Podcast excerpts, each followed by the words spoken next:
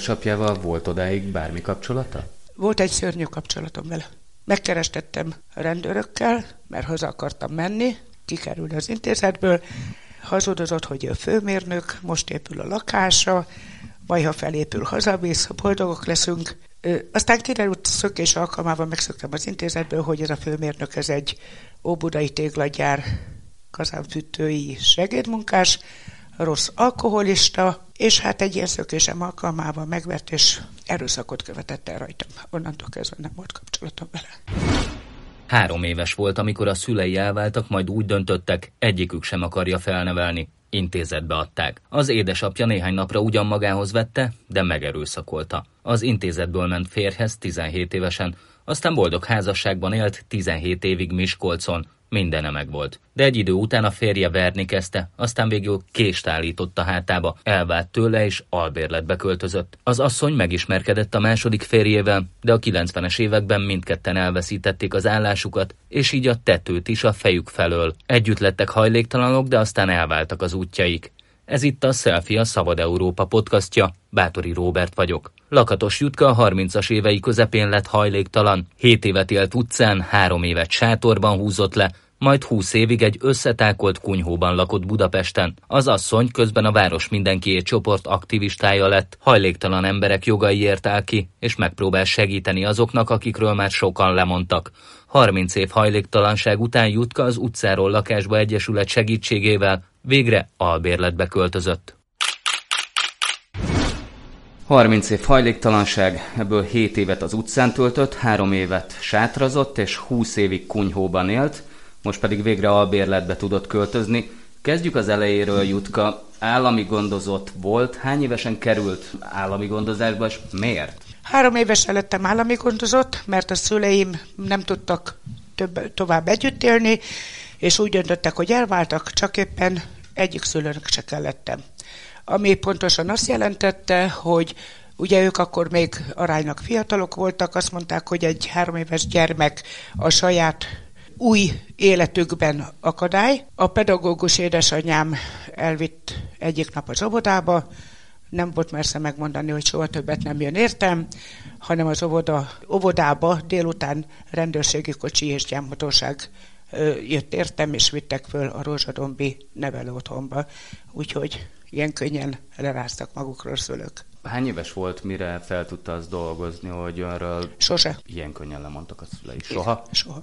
És az anyámat ennek ellenére én temettem el, mert három és fél hónapig volt jégen. Örökbe nem adták akkor? Annyira nem, hogy az édesanyámnak a nővére, a keresztanyám feljött az anyukámhoz, és mondta, hogy írja alá azt, hogy lemond rólam, nem tudom, ki tudja, hogy akkoriban az 50-es, 60-as években hogy működött az állami gondozás, akkor úgy működött, hogy a gyermekek után a szülő kapta meg a családi potlékot, és a szülő fizette be az intézet fele a eltartási pénzt. Tehát magyarul nyereséget szerzett a szülő akkoriba, és az anyám 80 forintért nem adott oda 63-ba. Tartották önök a kapcsolatot, amíg ön vagy Giviben volt? Érdekes kapcsolat volt. Milyen Tudnélik, akkor, amikor már kezdtem fölfogni, hogy, hogy egy férfi miatt nem visz ki az intézetbe, lett egy barátja az anyámnak, kapott lakást, és egy férfi miatt nem vitt ki az intézetből, mindig azt mondta, hogy nem férsz el a Tóni bácsi mellett, mert csak garzonunk van, bla bla bla. Én kezdtem fölfogni, hogy, hogy egy édesanyának, aki kilenc hónapig hordja a gyermekét a szíve alatt, egy férfi többet ér, mint a gyereke, és onnantól kezdve bizony nagyon-nagyon keményen osztottam. Tehát volt olyan beszélgetésünk, amikor lecsaptam a telefont, hogy te rohadt kurva. Négy-öt évig nem beszéltünk, aztán újra elkezdtük, csak sose tudtam földolgozni azt, hogy, hogy ilyen könnyen lemondott rólam, hogy ilyen könnyen eldobott a életéből, hogy elvileg van gyereke és még sincs gyereke, tehát ilyen örök harag, de nem tudok nélküled kapcsolatunk volt. 92-ben, amikor megtudtam, hogy meghalt, elkezdtem utána járni, hogy hol van, három hónapig volt a János kórházban jégem, és a döbbenet az egészben az, hogy a tizedik keleti új köztemetőbe helyeztük úrnapolba az anyámat, az apámmal nem volt kapcsolatom 15 éve, 14 éves korom óta, és ahogy beraktuk az úrnapolba anyut, megfordultam, és szembe az apámmal. És így ledöbbentem, és akkor mondtam, hogy na, most lehet megbeszélni az életemet. De az édesapjával volt odáig bármi kapcsolata? Volt egy szörnyű kapcsolatom vele. Megkerestettem rendőrökkel, mert haza akartam menni, kikerülni az intézetből. Hazudozott, hogy ő főmérnök, most épül a lakása, majd ha felépül, hazavisz, boldogok leszünk. Aztán kiderült szökés alkalmával megszöktem az intézetből, hogy ez a főmérnök, ez egy óbudai téglagyár kazánfűtői segédmunkás, rossz alkoholista, és hát egy ilyen szökésem alkalmával megvert, és erőszakot követett el rajtam. Onnantól kezdve nem volt kapcsolatom vele. Egy ilyen gyerekkor után benne volt az a pakliban, hogy az állami gondozás után hajléktalanság vár önre? 17 évesen gyámügyi engedéllyel férjhez mentem, lekerültem Miskolcra a férjemhez, saját tulajdonú lakásába, házába, ami pontosan azt jelentette, hogy ez nem közös tulajdon. 17 évig éltem vele úgy, hogy ütött, vágott, rugott, öt gyermeket taposott ki belőlem. Aztán 17 év után, mikor hátba szúrt, a kolléganői menekítettek el tőle, elmentem albérletbe, ebbe az albérletbe ismertem meg a jelenlegi férjemet, aztán azt a munkahelyet egy kis magántulajdonú cég volt, privatizálták, nem tudtuk fizetni tovább az albérletet, és innentől kezdve konyec. A főbérlő kijelentett minket, kényszer kijelentést alkalmazott, hogy nem fizettünk, és az került a lakcímkártyánkra, hogy lakcím nélküli. És onnantól kezdve nem voltam megbízható ember Magyarországon. Mit csináltak? Hova mentek? Hát érdekes, mert Visszaföljöttünk Budapestre, ezt tudni kell, és nekem nem mondja senki, hogy a hajléktalan életmódot könnyű megszokni, nem igaz. Ezt tanulni kell. Szószoros értelmében tanulni kell.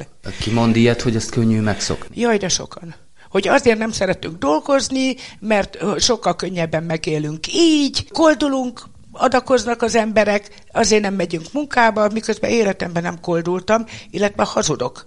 Kétszer koldultam a város mindenkiének adományüveggel, tehát magamnak sose. Viszont ahhoz, hogy valaki egyik napról a másikra belecsöppen ebbe az élethelyzetbe, tudja, hogy hol tudja, hogy tudja föntartani magát, kell egy másik hajléktalan segítsége. Elmondják, hogy mit érdemes kiszedni a kukából. Az emberek azt mondják, hogy abból leszünk, nem igaz. Nem a mosolyokot szedjük ki, nem a kajamaradványokat, és nem a büdös berohadt húsokat, hanem minden olyan cuccot, ami ha javítható, tisztítható, rendbehozható, bolha piacon el tudjuk adni. Na, annak az árából leszünk. Minden olyan cuccot kiszedünk, ami úgynevezett saját háztartásunkba szükségszerű kell.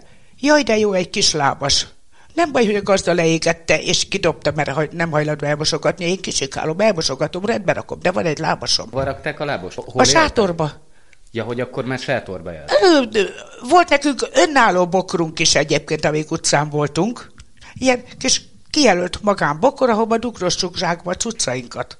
Úgyhogy azért ugye az akkori hajléktalan társak, amikor megismertek minket, marha sokat segítettek, hogy mit, hova, miért, minek, merre, hova menjünk ki, ahol kevesen járnak, ahol nem fedezik föl, ahol, tehát azért volt ilyen segítségünk, hajléktalan, hajléktalan, új hajléktalanoknak nagyon sokat segít, beavatják ebbe az élethelyzetbe, miközben én amikor először azt hallottam, hogy jöjjek bele a kukába, így, így rosszul voltam, hogy én oda, igen, te oda.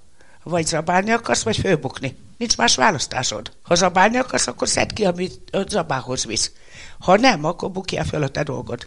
Mi a legszörnyűbb dolog az, miután önöknek mindene meg volt előtte? Mi volt az a legszörnyűbb dolog, amire esetleg most is emlékszik? Ez a pillanat, amikor, amikor az emberek megaláznak. Amikor, amikor azt mondja, vagy azt látja egy lakás tulajdonos, hogy belegyülök a kukájába, és rámozdítja a kukát. Vagy azt látják fiatalok, hogy túrom a kukát, mert keresem, hogy van-e értelmes benne, és rám borítják a kukát, amikor leköpnek. Amikor belém beszélik, hogy én nem vagyok ember. Hogy lehet így embernek maradni, ha a társadalom egy része így viszonyul mondjuk önhöz?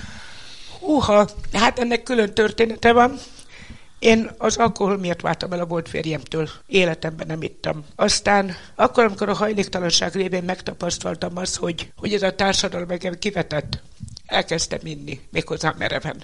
Nagyon durván. És akkor jött a város mindenki. Megvertek minket a rendőrök, és a szociális munkásom szólt, hogy van egy ilyen érdekvédelmi csoport, menjek el, mondjam el az esetet, hát ha tudnak segíteni. És ott találtam először arra, hogy nem baj, ha részekbe gyutka, nem baj, ha kukát túrod gyutka, nem baj, ha nem tudsz beszélni, mert hebegsz, vagy elalszol az asztalnál, de ide tartozol. Én a város mindenki a család. A régiek és az újak, ők kellettek ehhez. Mit csinál ebben a csoportban? Hát a város mindenki elsősorban érdekvédelmi csoport. Igen, és mindenki azt mondja, hogy ön a leglelkesebb aktivista, tartja a lelket a többi embertársában, akik az utcán élnek. Most, hogy ennyire válságba került ez a 30 éves házasságom is, most egy időt kihagytam úgynevezett pihenő szabadság alatt voltam, most érek újra vissza, de dolgozom a rászorulókért. Dolgozom azért, hogy se a rendőrök, se a közterületfelügyelők, se a civilek ne alázzák meg a hajléktalan embereket. Tuti, hogy minden hajléktalan embernek ugyanúgy van kötelessége, mint minden egyéb más embernek, de csupán csak azért szórakozni bele, mert ő utcára kényszerült, soha nem fogom megengedni, zokszó nélkül beleszólok a rendőri igazoltatásba, zokszó nélkül összeveszek a közterületfelügyelővel, zokszó nélkül felszólalok buszon, villamoson, bárhol, ahol hajléktalan ember, ha ül, akkor szórakoznak vele, akármilyen büdös szándékosan mellé ülök, mert én azt szoktam mondani, hogy amíg nem járja senki ezeknek az embereknek a cipőjébe végig az útját, amíg nem ismerik a, meg a múltját, amíg nem kérdezik meg, hogy mi az oka, hogy ide került, addig ne köpjék le, ne alázzák meg ismerjék meg az embert, és utána vélekedjenek. De lát bármilyen fogadókészséget a társadalom részéről arra, hogy megismerjék ezeket az embereket? Azt tapasztalom, hogy egyre több ember foglalkozik a hajléktalan emberek kérdésével, egyre több ember néz más szemmel a hajléktalan emberekre, és én nem akarok, tehát nem vagyok politikai párthoz kötődő személy. Egyszerűen csak egy baloldali érzelmi ember vagyok. De tudom, hogy tavaly október óta, mióta vannak baloldali polgármesterek, más a hajléktalan emberek lehetősége és környezete is. Ami, ami azt jelenti, hogy addig, amíg a közteres utcánélésért büntette a hajléktalan embert, igaz, hogy időlegesen elküldik őket, menjen arrébb, majd valamikor jöjjön vissza, de nincsenek ezek a 180 ezer fontos büntetések, ami döbbenet. Jutka, azt mondja most, ha jól értem, hogy a fideszes kerületekben sokkal keményebben bántak korábban a hajléktalan Igen. emberekkel? Igen. Hogyan bántak velük? Hát konkrétan tudom azt, amikor a Kocsis Mátéik voltak a 8. keretben, akkor metró melletti fedett részen hajléktalan emberek húzták meg magukat, ott aludtak, ott voltak a kis motyóik, így simán elvitették a szemetes kukában az utcaikat, miközben a saját tulajdonukat képezik, a takarót, a szivacsót, a szatyraikat, amiben kis motyókáik voltak, a Calvin téri aluljáróba. Ugyanez, amikor megszólítottam a rendőrnőt, hogy mégis mit csinál, ez egy hajléktalan asszonyé, aki rá van utalva, azt mondta, nem tetszik, költöztesse magához. Mondom, tényleg én is hajléktalan vagyok, ilyenkor mit szól, költöztesse maga magához. De a saját tulajdonát viszi el. Tehát keményebb és szemetebb rendszer volt. Amikor Tarlós István az aluljárokat egy az egybe kitakarította, tiltakozott is a város mindenkié. Tehát sokkal keményebb. Most már oké, okay, hogy van egy szabálysértési törvény, és azt is tudni kell, hogy én nem úgy védem a hajléktalan embereket, hogyha ők jogot sértenek, akkor ö, nézzék el. Utcán inni tilos mindenkinek. Az, hogy utcán végzi el a dolgát, elvileg tilos, de, de az önkormányzatok és a főváros felelőssége, hogy legyen elegendő közvécé. Ha nincs, akkor nem tud mit csinálni. Az, hogy garázda, verekszik, beleköt, koldul, tilos. Én ilyenkor bele se szólok. De amikor valamikor azért bántják, mert Miért fekszik itt, szedje össze a cokmokját, menjen innen a picsába, azt rakja oda a kuka mellé, hogy elvitessem, na ebbe beleszólok. Ebbe beleszólok. És ilyenkor mit szólnak a rendőrök? Simán elkerik a személyimet, lenulla nulláznak közöm, hogy uraim, csak nyugodtan, null-null vagyok, és ha nem tetszik, jelentsenek föl. Még nem jelentettek föl. Tehát azt vettem észre, hogy abban a pillanatban, mert megkérdezik, hogy mi közöm hozzá, és akkor közlöm, hogy a város mindenki érdekvédelmi csoport tagja vagyok, és akkor jó, kérek személyigazolványt, odaadom, leírják, lenulla nulláznak, és akkor mondják, hogy rendőri intézkedés gátolok, nem gátolom. Figyelem, bocsánat, a kettő között nagy a különbség. És ígérem, hogy amennyiben nem jogszerű az eljárás, illetve nem úgy bánnak velük, hogy emberhez méltóan azért, mert lecsúsztak ugyanúgy emberek, akkor a város mindenkiért írni fog a rendőrségre, és tiltakozni fog ez ellen. Abban a pillanatban megváltozik a hangnem.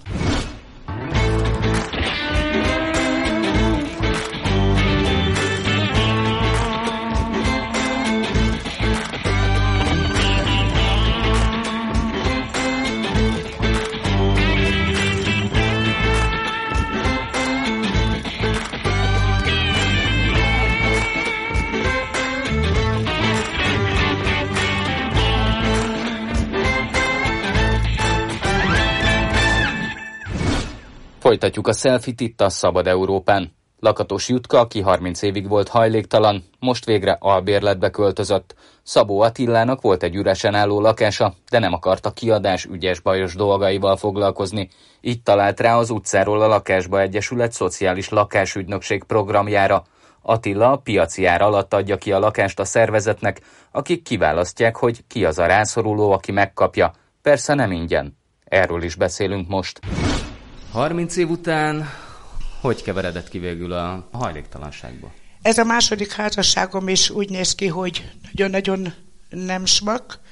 Azt hiszem, hogy elfáradt 30 év alatt a kapcsolatunk. Azt hiszem, hogy, hogy mi már nem bírunk egy légtérben élni. Aztán körülbelül négy hónappal ezelőtt panaszkodtam a veráiknak, utcáról lakásba egyesület, szociális lakásügynökség, és akkor felajánlottak nekem egy ilyen lehetőséget, hogy szociális albérlet, és Este megmondtam a férjemnek, hogy holnap nézek meg egy albérletet, és elsírta magát, hogy ennyi volt a 30 évünk. És úgy belegondoltam, hogy utca, sátor, kunyhó, közben rákos betegség, és tudom, hogy nélkülem elesett, és tudom, hogy, hogy én vagyok az, aki, aki tudom tartani benne a lelket, aki, aki fönn tudom tartani úgy, hogy, hogy aránylag megpróbáljunk élni és visszamondtam egy nap alatt. Aztán ezért az volt a köszönet, hogy március 8-án merev részegen nekem jött, csontjaimat törte, és akkor azt mondtam, hogy nem most elég.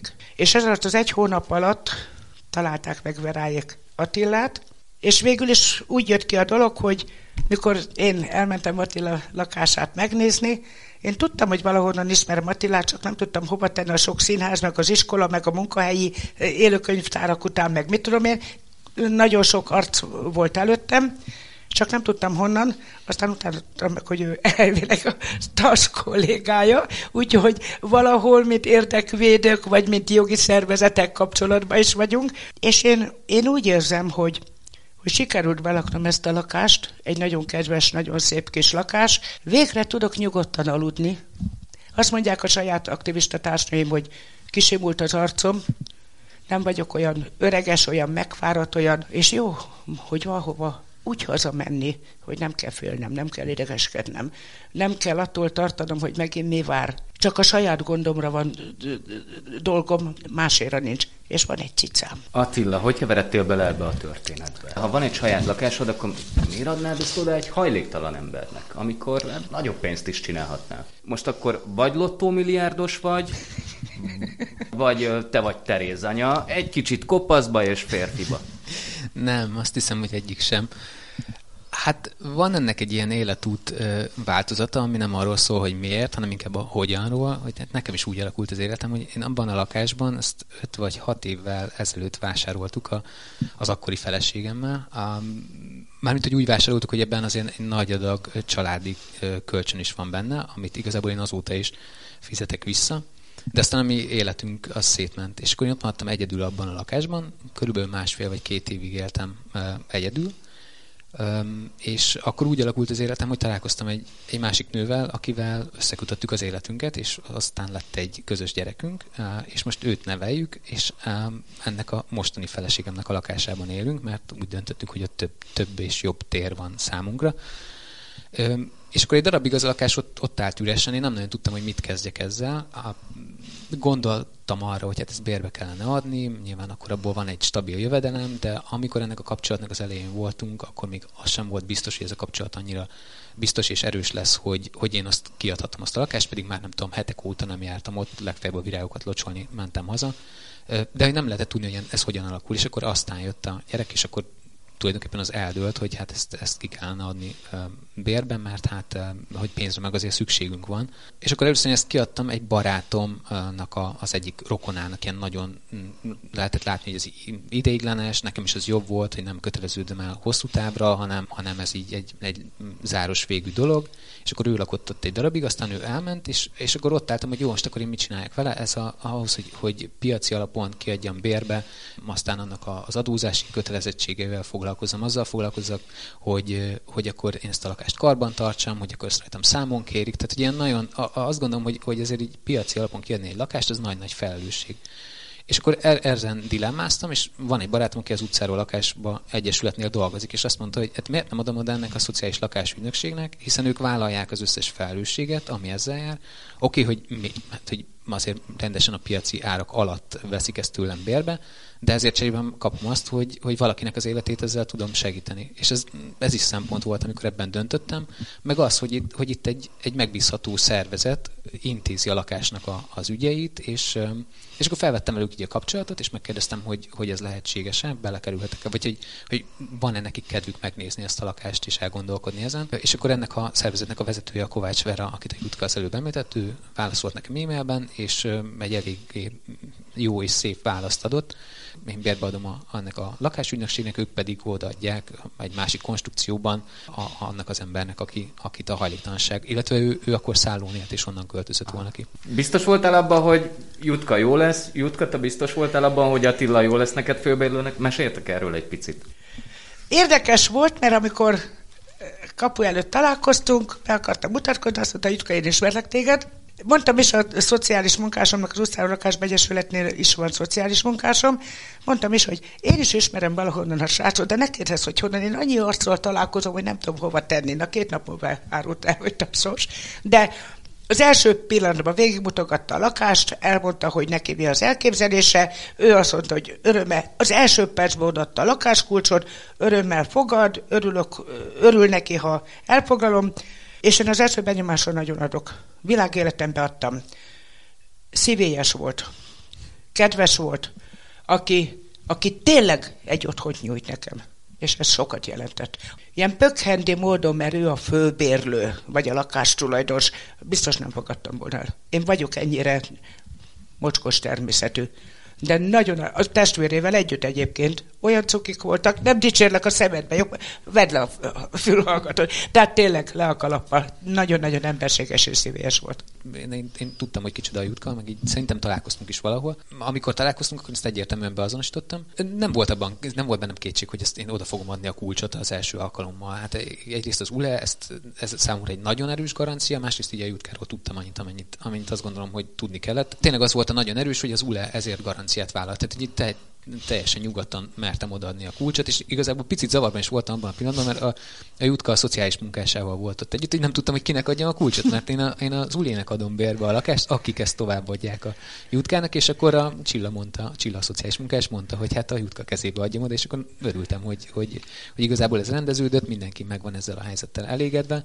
és kérdezte, hogy a feleségem mit szólt hozzá, ő, ő nagyon támogatott ebben, tehát így, így kicsit számoltunk azon, hogy oké, okay, hát mennyiért lehetne ezt a lakást kiadni, az mekkora bevétel lenne, és hogy, hogy meg tudjuk ezt magunknak engedni, hogy nem, nem piaci alapon adjuk bérbe, hanem, hanem odaadjuk a jutkának, és arra jutottunk, hogy, hogy oké, ezt így meg tudjuk engedni, hogy nem, ez, igazából most nem tudom, hogy mennyi pénztől esünk el emiatt havonta, de, de mondom, nekem ez az egész így egyrészt egy nagyon jó érzés, másrészt meg annyira megbízható szervezetnek tartom az ulét. Nagyon igazságtalan dolognak tartom ebben a magyar helyzetben, és hogy ennek egy, egy ilyen ellen Airbnb is dologként azonosítottam be azt, amit te mondtál. Tehát amit én látok Magyarországon meg a Budás, budapesti lakáspiacon meglévő igazságtalanságokat, úgy éreztem, hogy akkor én most azért tudok tenni, vagy tudok ellene tenni valamit, és akkor miért ne tegyem meg, hogyha, hogyha ezt megtehetem. Furcsálják ezt a, ezt a programot az emberek? Kinek mondtátok, hogy mondjuk ez van, ők rácsodálkoztak erre? Azt hiszem, hogy az a legnagyobb baj a társadalomban, hogy sokan nem is tudnak erről a lehetőségről. Az a baj a társadalomban, hogy sokan inkább a nagyobb pénzért hajtanak, mert mondvá, hogy ó, miért segítsek én olyannak, aki lehet, hogy vagy fizet, vagy nem fizet, vagy tönkre teszi az otthonomat, vagy nem teszi tönkre, miközben a ügynökség ugye felelősséget vállal, csak agyilag nem akarja felfogni, mert vannak ilyen buta emberek, Isten ne bántsad a szavamért. Egyébként már önkormányzatoknál is kezdődik ez a szociális lakásügynökség. Azt hiszem, hogy akkor, amikor el fog terjedni, amikor megismerik azt, hogy az a szociális lakásügynökség vállal felelősséget a főbérlő felé, hogy megkapja időben a bérét, az albérlő fizetni fogja tisztességgel a rezsijét, az otthonát nem fogja tönkre tenni, az állagát igyekszik megóvni, ha olyan probléma van, akkor a lakásügynökség úgyis segít. Kettős felelősség van magán a lakásügynökségen, mindenféleképpen a lakásügynökség felelőssége. Én nekem azért felelős a lakásügynökség, hogy az Attila nem rakhat ki egyik pillanatról a másikra, meg kell beszélnünk, felmondásidő, bla bla bla. Tehát ő neki az a biztosíték, hogy én az otthonát megóvom, megőrzöm, kezelem, Nyilván nem szedem föl a parkettát elégetni, nyilván nem fogom szándékosan betörni az ablakát, tehát ö, felelősségem van vele szembe.